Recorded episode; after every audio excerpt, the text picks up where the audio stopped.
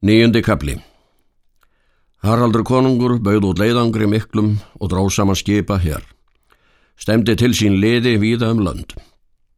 Hann fór á þrándheimi og stemdi söður í land. Hann aði það spurt að hér mikill var saman dreygin um agðir og rógaland og hörðaland og víða til sapnað, bæði ofan af landi og austan úr vík og var þar margt stórmenni saman komið og ætlar að verja land fyrir Haraldi konungi. Haraldur konungur hjælt norðan liði sínu. Hann hafði sjálfur skip mikið og skipað hyrðsynni. Þar var í stafnið Þórólur Kveldúlfsson og Bárður Kvíti og sinnir Berlu Kára. Ölver Núfa og Eyfundur Lambi en Berserkir konungs tólf voru í söksum. Fundur þeirra var söður af Rógalandi í Hafursfyrdi. Var þar hinn mesta orusta er Haraldur konungur hafi átt og megin mannfalli korra tveggju liði. Laði konungur framalega skip sitt og var það ströngust orustan. En svo lauk að Haraldur konungur fekk sigur en þar fjall þórir haglangur konungur af augðum en kjötvinn hinn auðugi flýði og allt lið þans er uppstóð nema það er til handa gekk.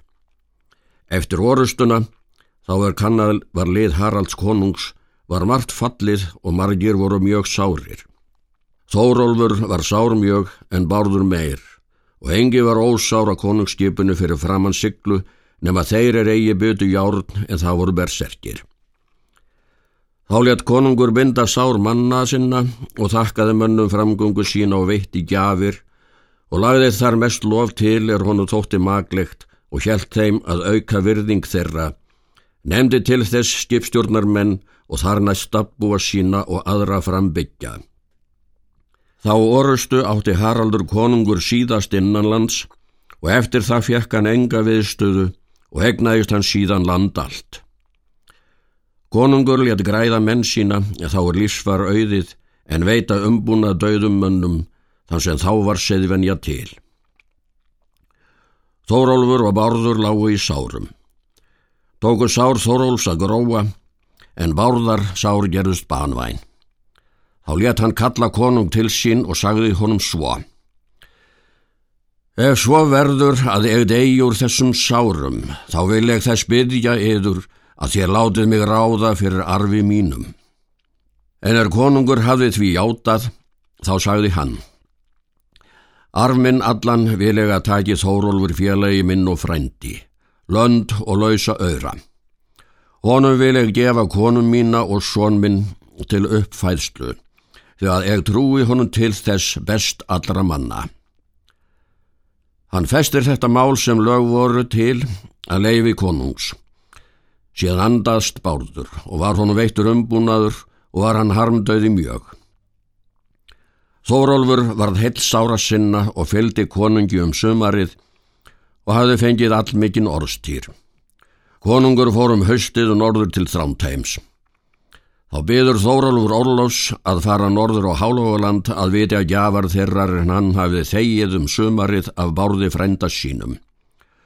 Konungur lofar það og gerir með orðsending og hjartegnir að Þóraldur skal það allt fá er bárður gaf honum, lætur það að svo gjöfar ger með ráði konungs og hann vill svo vera láta.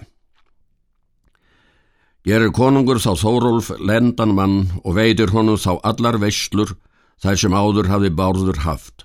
Fær honum finnferðina með þvílikum skildaga sem áður hafi haft bárður. Konungur gaf Þórólflu langskip gott með reyða öllum og let búa ferð þans þaðan sem best. Síðan fór Þórólfur þaðan ferð sína og skildust þeir konungur með hinn mesta kærleik. En er Þórólfur kom norður í torgar, þá var honu þar vel fagnað. Sagði hann þá fráfall bárðar og það með að bárður hafi gefið honum eftir sig lönd og lausa öyra og kvonfang þaðir hann hafi áður átt. Ber fram síðan orð konungs og hjartegnir. En ef Sigriður heyrði þessi tíðindi þá þótti henni skadi mikill eftir mannsinn.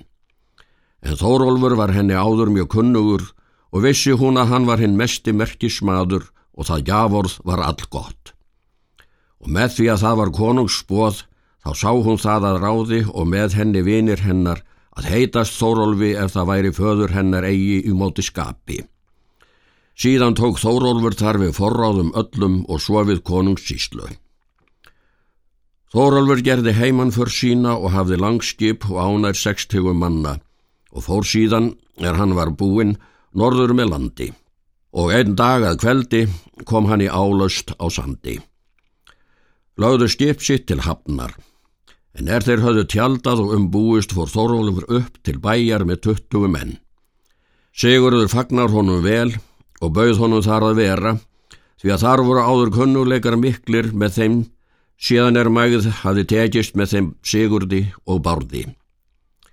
Síðan gengu þeir Þórólfur inn í stofu og tóku þeir gisting. Sigurður settist á tal við Þórólf og spurði að tíðendum. Þórólfur sagði frá orustu þeirri er verið hafið um sumarið, söður á landi og fallmargra manna þeirra er Sigurður vissi deili á. Þórólfur sagði að bárður máur hans hafi andast úr sárum þeimir hann fjekk í orustu. Þótti það báðum þeim hinn mesti mann skadi. Þá segir Þórólfur Sigurði hvað verið hafði í engamálum með þeim borði áður hann andaðist og svo bar hann fram orðsendingar konungs að hann vildi það allt haldast láta og síndi þar með hjartegnir.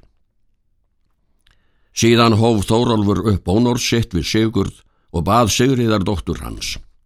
Sigurður tók þeim máli vel, saða margir hlutir heldur til þess, sá fyrstur að konungur vil svo vera láta, svo það að Bárður hefði þess beðið og það með að Þórólfur var honum kunnigur og honu þóttu dóttur sín vel gift. Var það mál auðsótt við Sigurð.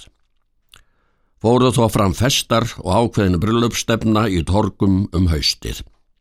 Fór þá Þórólfur heim til búsins og hans förunittar og bjóð þar til veyslu mikillar og bauð þangað fjölmenni miklu. Var þar margt frendað Þórólfs göfugra. Sigurður bjóst og norðan og hafði langskip mikið og mannval gott. Var að þeirri veyslu hefð mesta fjölmenni. Brátt fannst það að Þórólfur var örmaður og stórmenni mikið. Hafði hann um sig sveit mikla en brátt gerðist kostnaðar mikið og þurftu föngu mikil. Þá var ár gott og auðvelt að abla þess er þurfti. Á þeim vetri andaðist Sigurður á Sandnesi og tók Þórólfur arf allan eftir hann. Var það allmikið fjö. Þeir sinir Hildiríðar fóru á fund Þórólfs og hófu upp tilkall það er þeir þóttust þar eiga um fjöð það er áttaði Björgólfur fadir þeirra. Þórólfur svara svo. Það var mér kunnugt og Brynjólf og enn kunnara um borð að þeir voru mandónsmenn svo miklir að þeir myndu hafa miðlað ykkur það af arfi Björgólfs sem þeir vissu að réttindi væru til. Var ég nær því að þið hófið þetta sama ákall við bárð og hörðist mér svo sem honum þætti þar engi sannindi til því að hann kallaði ykkur frillu svonu. Háregur sagði að þeir myndu vittni til fá að móðir terra var myndi keift. En satt var það að við leituðum ekki fyrst þessa mála við Brynjólbróður okkarn. Var þar og með skildum að skipta, en af borði væntum við okkur samdar í alla staði og örðu í löng voru við skipti. En nú er arfur þessi komin undir óskilda menn okkur og megum við nú eigi með öllu þeia yfir missum okkari. En vera kann að enn sé sem fyrrs á ríkismunur að við fáum eigi rétt af þessu máli fyrir þér ef þú vilt engi vittni heyra þau er við höfum fram að flytja að við séum menn aðal borðnir. Þórólur svarar þá styggilega. Því síður ætla ég ykkur arfborðna að mér er sagt móður ykkur væri með valdi tekin og hernumin heim höfð. Eftir það skildu þeir þessa ræðu.